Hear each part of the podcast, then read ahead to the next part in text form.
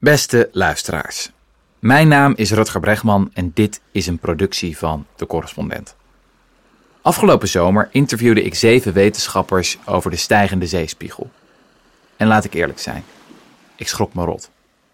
De dreiging van klimaatverandering is veel groter voor Nederland dan veel mensen beseffen. En over de uitdaging die voor ons staat heb ik dan ook een brief geschreven aan alle Nederlanders. En dankzij een samenwerking met de Postcode Loterij kun je deze brief nu gratis bestellen. Digitaal of als papieren boek. Want dit is iets wat zoveel mogelijk mensen nu moeten weten. Ga naar www.decorrespondent.nl slash hetwaterkomt. Je kunt het verhaal natuurlijk ook beluisteren. Ik lees het aan je voor. Beste landgenoot. Als er nu één verhaal verteld moet worden, dan is dat het verhaal van Johan van Veen. Ingenieur, vader van het Deltaplan, een van de grootste Nederlanders aller tijden en vrijwel niemand die hem kent. In het Groningse plaatsje Uithuizermede is een klein monument voor hem opgericht. Een grauwe buste die nauwelijks op hem lijkt tussen een parkeerplaats en een supermarkt in. Een van de lelijkste plekken van Nederland, aldus Johans biograaf. Hij noemde zichzelf Dr. Cassandra, naar de Griekse prinses die wist dat Troje zou vallen, maar door niemand werd geloofd. Johan van Veen was een ambtenaar bij Rijkswaterstaat en voorspelde de watersnoodramp van 1953. Niet één keer, maar twintig jaar lang. Ja, dit kan in Nederland, want ze begrijpen er niets van, had hij in 1952 nog tegen een journalist van Elsevier gezegd. De hoofdredacteur schrapte het interview toen uit het blad. Paniekzaaierij, vond hij het. Het verhaal van Johan is het verhaal van Nederland. Een verhaal van een klein land aan de Noordzee dat eigenlijk al in de golven zou moeten zijn verdwenen. Een land waar je je kop niet boven het maaiveld uit moet steken en waar onbeleefdheid tot deugd is verheven. Een land van kleine kruideniers die klagen en zeiken, zeuren en mekkeren, die lukt niet, mag niet en kan niet blijven roepen, totdat ze zelf, ineens, het onmogelijke doen. Maar daar is dan wel eerst een ramp voor nodig. 31 januari 1953. Het weerbericht uit de beeld voorspelt weinig bijzonders. Zwaar bewolkt met regen, krachtige, af en toe harde wind tussen zuidwest en zuid. Een wintersdagje. Lekker binnen blijven dus. Gezinnen in heel Nederland kruipen voor de kachel en stemmen af op De Familie Doorsnee, het radiohoorspel van Annie M.G. Smit. S'avonds is het ook gezellig in Café Honkoop, de dorpskroeg van Nieuwerkerk aan de IJssel. Er wordt gelachen, gedronken en gedanst, totdat iemand de kroeg binnenstormt. Het water. Het water staat te hoog. Nieuwekerk ligt achter de Schielands Hoge Zeedijk, die al eeuwen de inwoners van de polder beschermt. Die polder ligt bijna 7 meter onder de zeespiegel en erachter wonen meer dan 3 miljoen mensen. Van Gouda tot Den Haag, van Rotterdam tot Leiden. Als deze dijk het begeeft, verdrinkt half Holland. Burgemeester Jaap Vogelaar laat de noodklokken van Nieuwekerk luiden. Hij roept de gasten van Café Honkoop op zoveel mogelijk zandzakken te halen. Zelf rent hij in het pikken donker langs de rivier en schreeuwt waar de dijk moet worden verstevigd. Tientallen mannen komen in actie. Maar als ze voelen dat hun laarzen wegzakken, zien dat het water over de rand klotst en beseffen dat de dijk het ieder moment kan begeven, hollen velen weer terug. Ondertussen blijft het water stijgen. Regen, sneeuw en hagel komen met bakken uit de hemel en een snoeiharde noordwestenwind stuwt het water op. Op sommige plekken spoelen hele stukken van de binnendijk weg. En dan gebeurt het. Om half zes ochtends ziet hulpmachinist H. Kleibeuker een stuk dijk instorten van maar liefst 15 meter. Het water buldert de polder in, stel naar beneden. In de richting van de Randstad. Op dat moment is schipper Arie Evengroen aan boord van zijn schuit de Twee Gebroeders. Hij heeft die avond aangelegd bij Nieuwerkerk in de hoop dat zijn schip daar veilig is. Maar ineens verschijnt de burgemeester. Door het kabaal van de storm schreeuwt hij dat Evengroen zijn schip, van 18 meter lang, naar de dijk moet varen om het gat te dichten. Evengroen weigert. Hij is doodsbang. Straks duikt hij nog met vaartuigen en al de polder in, meters naar beneden. Maar als de burgemeester zijn schip vordert, in naam der koningin, gaat de schipper alsnog overstag. Het is een wanhopig plan. De ingenieur van het Hoogheemraadschap Schieland zal later zeggen: Als je honderd keer zo'n stunt uithaalt met een schip in een dijkgat, gaat het 99 keer mis. Maar tijd om te twijfelen is er niet. Even groen vaart de wilde rivier op en zet zijn schip met de kop dwars op de dijk. Dan begint hij met draaiende schroef naar dat gat te zwenken. Als een sluisdeur draait zijn schip ervoor en zuigt het zich door de enorme stroming de dijk in. Het is alsof de twee gebroeders gemaakt is voor deze actie. Het had geen meter korter moeten zijn. De schipper kan het zelf ook nauwelijks geloven. Het gat in de dijk is gedicht. Zo kan het gebeuren dat Arie Evengroen de geschiedenis ingaat als de redder van Holland. Zelf moet hij niets hebben van die eretitel. Mijn schuit was in de buurt, vertelt hij naderhand. En niemand anders kon het doen. In de nacht van 1 februari 1953 braken de dijken op meer dan 500 plaatsen in Nederland. Een gebied van 129.000 hectare overstroomde, waaronder bijna heel Zeeland. Duizenden woningen en boerderijen werden verwoest, honderdduizend mensen sloegen op de vlucht en 1836 Nederlanders kwamen om. Maar het had nog veel erger kunnen zijn. Die eerste dag van februari was het springtij laag, waren de windsnelheden niet uitzonderlijk en stroomde er relatief weinig water door de Rijn en de Maas. Voor die tijd van het jaar had het peil zeker een meter hoger moeten staan, zei de Elsevier-journalist wiens interview met Johan van Veen in 1952 was geschrapt. Als dat zo was geweest, dan was alles verzopen. Nu hadden de rivieren een groot deel van het zeewater kunnen opvangen. Direct na de ramp liet Johan, hoofd van de studiedienst van Rijkswaterstaat, uitzoeken wat er was gebeurd als schipper Arie Evengroen had gefaald. Het antwoord? Dan zou het gat in de Schielandshoge zeedijk zijn uitgescheurd. Dan had niemand de bres nog kunnen dichten. Na een week zou een groot deel van Zuid-Holland, het laagste deel van Nederland, zijn ondergelopen. Na 26 dagen zou het water de buitenwijken van Amsterdam hebben bereikt. Johan schreef een paar weken na de ramp aan een Britse vriend: De overstroming, de overstroming. Ik kan nergens anders meer aan denken of iets anders doen. Ik weet hoe dicht heel Holland bij zijn totale ondergang was. Niet een kameel, maar een hele kudde olifanten ging door het oog van de naald. Het is werkelijk ongelooflijk dat Centraal Holland nog steeds bestaat. Klimaatverandering is een onderwerp dat vaak abstract blijft.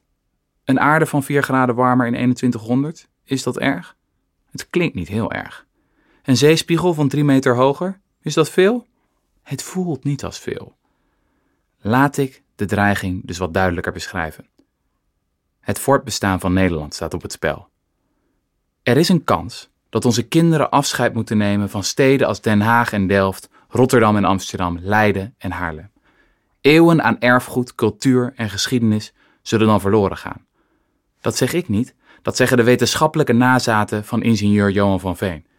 Wie het werk bestudeert van deze experts hoeft niet lang te zoeken naar één dokter Cassandra. Er is nu een leger aan Cassandra's. Voor dit verhaal interviewde ik zeven Nederlandse wetenschappers. Zeven experts op het gebied van de zeespiegel.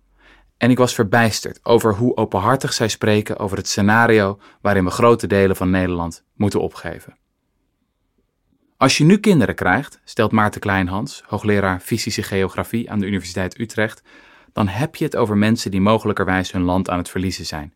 Die straks geen Nederlander meer zijn, omdat er geen Nederland meer is. Daar hebben we het over. Geograaf Kim Cohen, een collega van Kleinhans, vreest hetzelfde. Ik denk dat we twee meter zeespiegelstijging aankunnen in Nederland, vertelt hij. Maar als het drie, vier of vijf meter wordt, dan vraag ik het me af. De maatregelen die we dan moeten nemen zijn draconisch. Ik denk dat we dan al beginnen met het opgeven van steden. Lange tijd werd voor het jaar 2100 een zeespiegelstijging van maximaal 85 centimeter verwacht. Maar in de afgelopen jaren komen de voorspellingen steeds hoger uit. Rekende het KNMI tien jaar geleden nog in decimeters, nu gaat het over meters. Als de wereld niet snel genoeg de uitstoot van broeikasgassen inperkt, kunnen we in 2100 op een bijna 3 meter hogere zeespiegel uitkomen. Nog een eeuw later kan dat 5 tot 8 meter zijn. Maarten Kleinhans vertelt: Ik vind dat heel eng. Ik vind dat echt heel eng. Zonder me met hem te willen meten, voel ik me nu in Van Veens rol als dokter Cassandra gedrukt. Ik merk bij veel collega's die in het vak zitten, bijvoorbeeld de ijskaponderzoekers, een soort van moedeloosheid. Wij wetenschappers vertellen al jaren dat dit eraan zit te komen en nog steeds wil de wereld niet fatsoenlijk luisteren. Een van die ijskaponderzoekers is Michiel van den Broeke, hoogleraar polaire meteorologie aan de Universiteit Utrecht. Als ik hem de woorden van Kleinhans voorleg, is het even stil aan de andere kant van de lijn. Kijk, begint hij. Maarten is een fantastische collega, maar hij is ook heel uitgesproken. Ik heb voor mezelf besloten dat ik niet meega in het koor van mensen die zeggen: we worden niet gehoord, er gebeurt niets. Je moet de rol van de wetenschap scheiden van die van beleidsmakers. In juni 2018 was Van den Broeke de co-auteur van een baanbrekend artikel in het tijdschrift Nature, waaruit bleek dat het ijs op de Zuidpool veel sneller smelt dan eerder gedacht. In het afgelopen decennium zelfs drie keer zo snel als daarvoor. Het was slecht nieuws voor Nederland.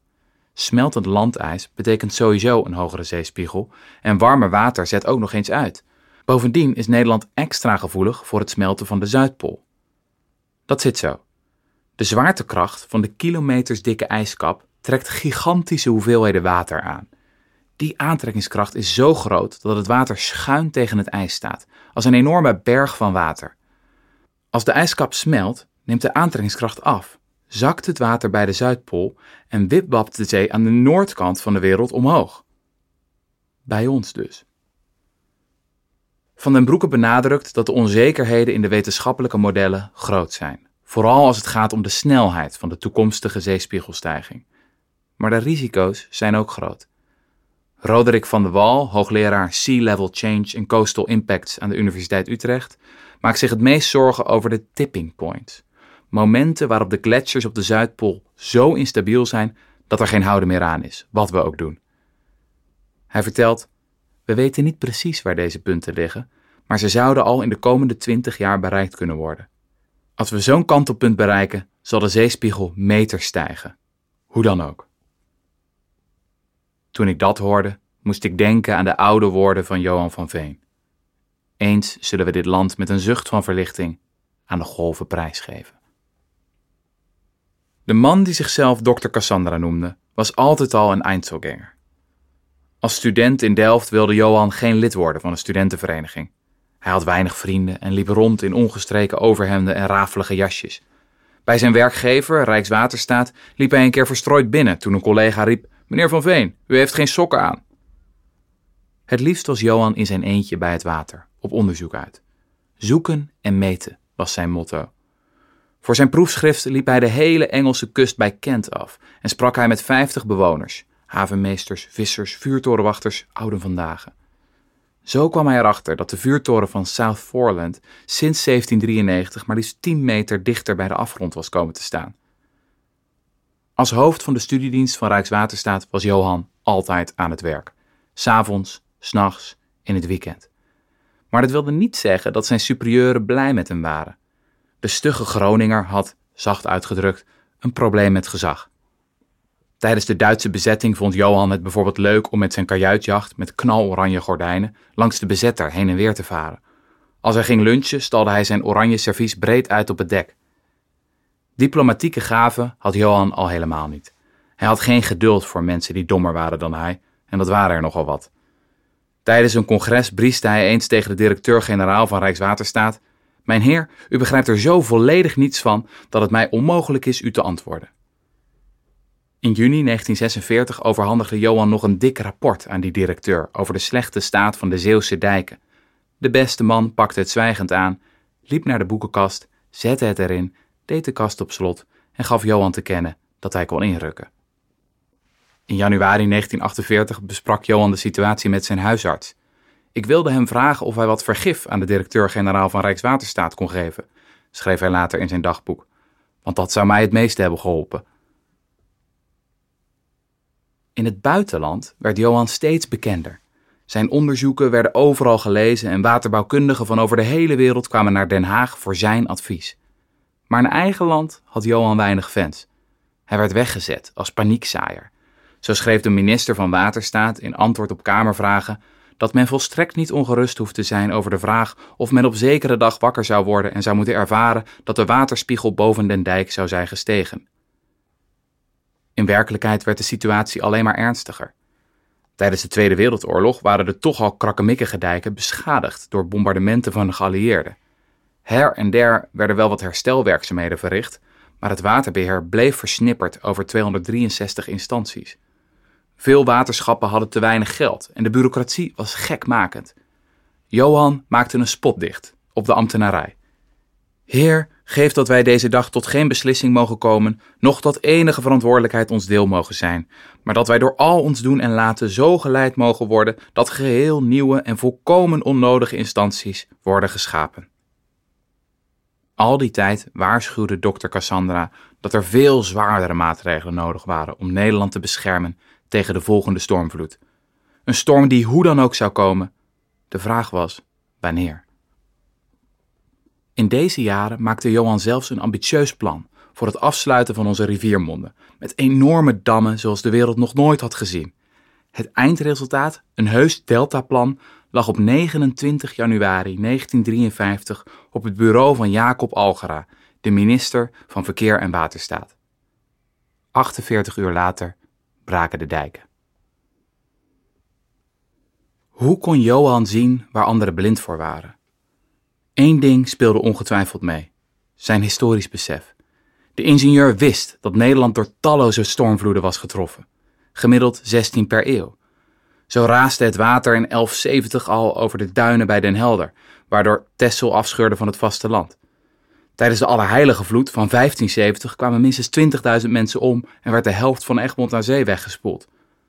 Na de watersnood van 1808 vroeg koning Lodewijk Napoleon zich nog af of het niet te duur was om Zeeland te behouden. Van deze geschiedenis, onze eeuwige strijd tegen het water, wist Johan alles af. De oudste politieke organen van ons land zijn niet toevallig de waterschappen en de oudste bestuurders de dijkgraven. In de 15e eeuw vonden we de poldermolen uit om het water weg te pompen. In de 18e eeuw verrees het molencomplex bij Kinderdijk met 20 windmolens die 50.000 liter water per minuut konden verstouwen. Uiteindelijk legden we maar liefst 4000 polders droog, waardoor nu een kwart van ons land onder zeeniveau ligt. En na de stormvloed van 1916 bouwden we de afsluitdijk, die Noord-Nederland sindsdien beschermt. Maar Nederlanders zijn vergeetachtig, wist Johan ook. Had de zee zich weer een tijdje koest gehouden, dan klonken altijd weer die oude bezwaren. Lukt niet, mag niet, kan niet.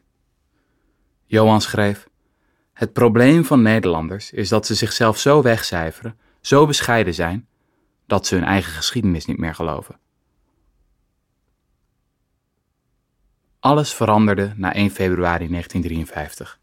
In de maanden na de ramp werden de gaten in de dijken razendsnel gedicht. Toen op 6 november de laatste dijk bij Oude Kerk op Schouwen-Duiveland was hersteld, ging in heel Nederland de vlag uit.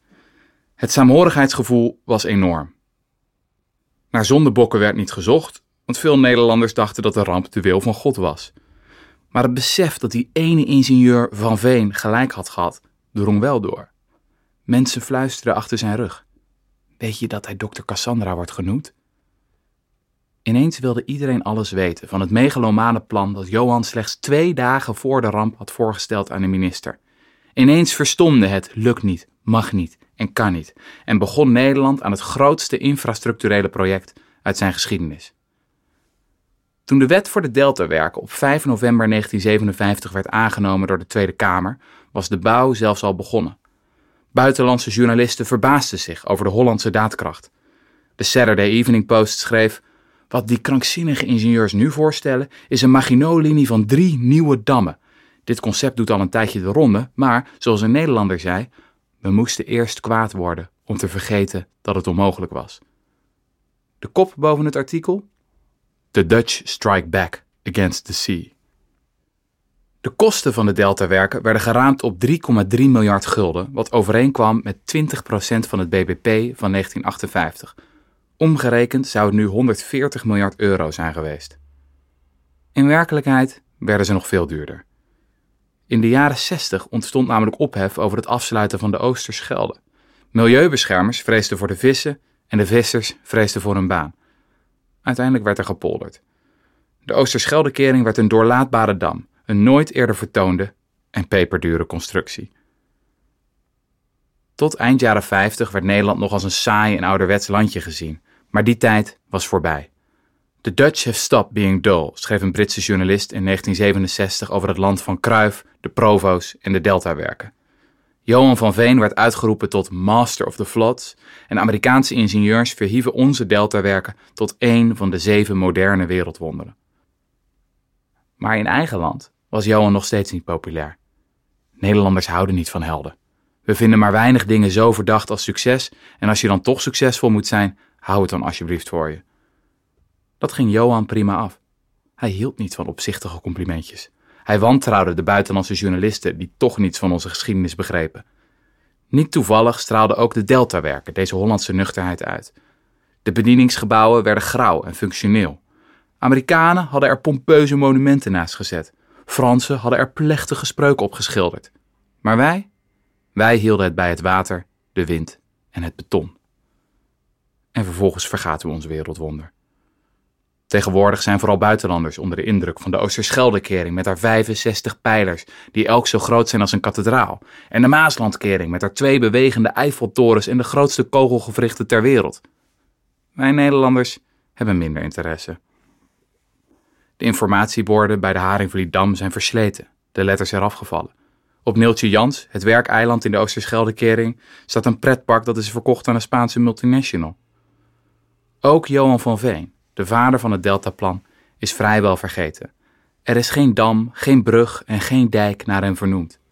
De kast met Johans oeuvre stond jaren te verstoffen bij Rijkswaterstaat en is inmiddels weggegooid.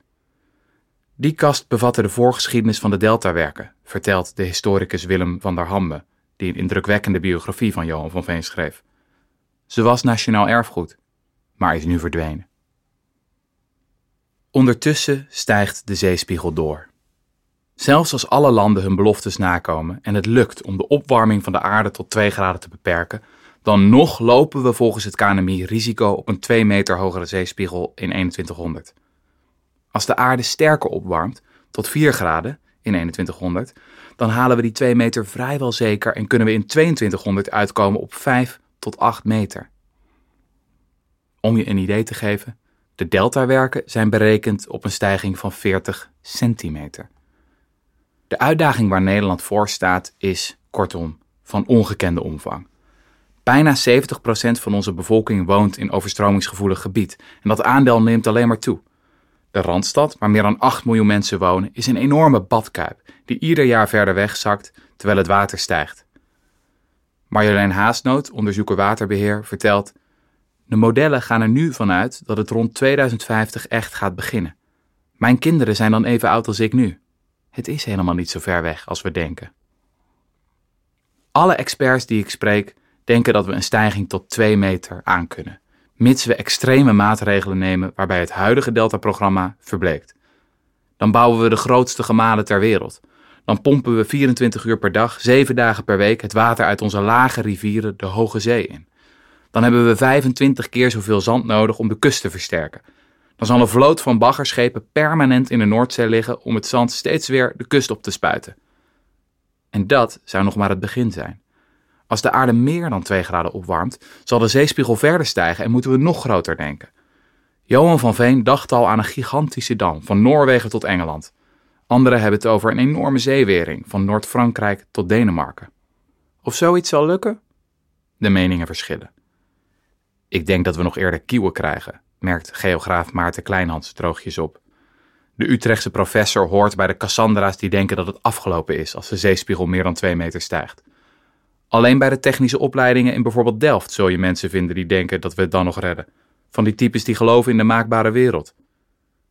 En dus besluit ik die types eens te bellen. Bas Jonkman is een van de jongste hoogleraren van de TU Delft. Dat blijkt geen toeval. De veertigers en de vijftigers zijn slecht vertegenwoordigd in de waterbouwkunde. Jonkman vertelt, zij gingen naar de ICT, het projectmanagement, de banken. Daar viel ook veel meer te verdienen. Waar ingenieurs eerst droomden van bruggen en dammen, maakten ze nu ingewikkelde financiële producten of de algoritmes achter internetreclames. Maar inmiddels lijkt de tijd te keren. Jonkman vertegenwoordigt een nieuwe generatie ingenieurs die weer dingen wil maken. Als ik nu naar mijn studenten kijk, vertelt hij, zie ik dat het merendeel in het vak blijft. Het is moeilijk om geen energie te krijgen van Jonkmans spervuur aan ideeën en plannen. De Delftse professor benadrukt dat er veel mogelijk is, ook als de zeespiegel meer dan 2 meter stijgt. We kunnen, bijvoorbeeld, zelf de aanval inzetten. Dan spuiten we eerst een paar eilanden op om de golven vast wat te breken. Die eilanden plempen we vol met windmolens of eventueel verplaatsen we Schiphol naar zee. Als het water dan nog verder stijgt, verbinden we de eilanden met één grote ringdijk, waardoor een binnenmeer voor de kust van Scheveningen ontstaat. De gevolgen van zo'n plan zullen, toegegeven, niet mals zijn voor het zeeleven. Onder ecologen gaat het gezegd dat Nederland twee milieurampen heeft gekend: de afsluitdijk en de deltawerken. Maar Jonkman laat zich niet uit het veld slaan door die kritiek. De natuur is dynamisch en kan zich ook weer herstellen. Hij zegt: Ik ben gewend in oplossingen te denken, niet in problemen. Ondertussen staat één ding als een paal boven water. Hoe sterk de ecologen en ingenieurs ook van mening verschillen, over het belangrijkste zijn ze het eens. We moeten, koste wat kost, voorkomen dat we überhaupt te maken krijgen met een zeespiegelstijging van meer dan 2 meter. En daarvoor moeten we wereldwijd de uitstoot van broeikasgassen zo snel mogelijk naar nul brengen. De nieuwe deltawerken bestaan niet alleen uit dammen en dijken, bruggen en eilanden. Het deltaplan van onze tijd gaat ook over zonnepanelen en windmolens, flitstreinen en megabatterijen. Dit besef lijkt eindelijk doorgedrongen tot Den Haag. Op 28 mei 2019 werd de Klimaatwet aangenomen door de Eerste Kamer. In 2030, zo hebben we afgesproken, stoten we 49% minder broeikasgassen uit ten opzichte van 1990. In 2050 minstens 95%. Is dat veel? Is dat snel? Laat ik de uitdaging wat concreter maken. 8 miljoen gebouwen moeten van het gas af. 9 miljoen auto's moeten op stroom of waterstof gaan rijden. Het elektriciteitsnet moet minstens drie keer zo zwaar worden. Een kwart van de Noordzee moet worden volgebouwd met windmolens. 75 miljoen zonnepanelen moeten worden aangesloten. 100.000 hectare bos moet worden aangeplant. En we hebben tig technologieën nodig die nog niet eens zijn uitgevonden. Dit wordt de grootste verbouwing van ons land. In Nederland, Kruideniersland, wordt nu nog gesoebat over de kosten van deze revolutie. Dan roept een politicus dat het wel duizend miljard kan zijn. Journalisten factchecken dat cijfer en komen uit op een kleiner bedrag van 500 tot 700 miljard euro. Maar vergis je niet, ook dat is krankzinnig. Dan hebben we het over 70 tot 100 procent van het bruto binnenlands product. Vijf keer zoveel als de deltawerken. Natuurlijk zullen veel technieken goedkoper worden als we ze grootschalig inzetten. Natuurlijk kunnen we de kosten uitsmeren over 30 jaar, wat betekent dat de jaarlijkse kosten slechts 3% van het BBP zullen bedragen, evenveel als we nu uitgeven aan vakanties. Maar toch, als mensen zeggen die energietransitie wordt peperduur, dan hebben ze gelijk. Natuurlijk wordt ze peperduur. Wat hadden we anders gedacht? Sinds 1953 hebben we niet voor zo'n uitdaging gestaan. Het is alle hens aan dek. Onder de dijkgraven van Holland is er een oud gezegde. Geef ons heden ons dagelijks brood en af en toe een watersnood. En inderdaad, er was steeds een ramp nodig om ons wakker te schudden. In 1916 moest eerst Noord-Nederland onderlopen voordat we begonnen aan de bouw van de afsluitdijk. In 1953 moest eerst Zuid-Nederland verdrinken voordat we begonnen aan de bouw van de deltawerken. Dus moet het nu weer misgaan? Moet het water oprukken tot de Veluwe voordat we stoppen met gemiep over dure warmtepompen en lelijke windmolens? Zullen we dan pas beseffen dat we een revolutie moeten doormaken, de totale economie moeten transformeren en een gidsland voor de rest van de wereld moeten zijn? Eén ding is zeker. Willen we ons land behouden, dan moeten we strijd leveren. Strijd tegen het water en strijd tegen onszelf. Tegen onze eigen apathie. Tegen onze eigen zuinigheid. Natuurlijk. Aan de ene kant zijn we een volk van klagers en zeikers, zeurpieten en mopperaars. Een volk dat ziende blind kan zijn, zelfs als twintig jaar lang de waarheid onder onze neus wordt gevreven. Het tijdschrift Elsevier, dat Johan van Veen in 1952 nog wegzette als paniekzaaier, rept nu over de paniekfabriek van klimaatverandering. Toch zijn we ook een volk dat boven zichzelf uit kan stijgen, dat tot ongelofelijke dingen in staat is niet omdat we verlangen naar een voetstuk, een standbeeld of applaus van ons nageslacht, want dat krijgen we toch niet. In Nederland mag je blij zijn met een lelijk standbeeld tegenover een supermarkt. Nee, we kunnen dit omdat we een land van polderaars zijn. Omdat we water in land veranderen. Omdat God de wereld schiep, maar wij Nederland. Omdat onze toekomst, ook nu, in onze eigen handen ligt.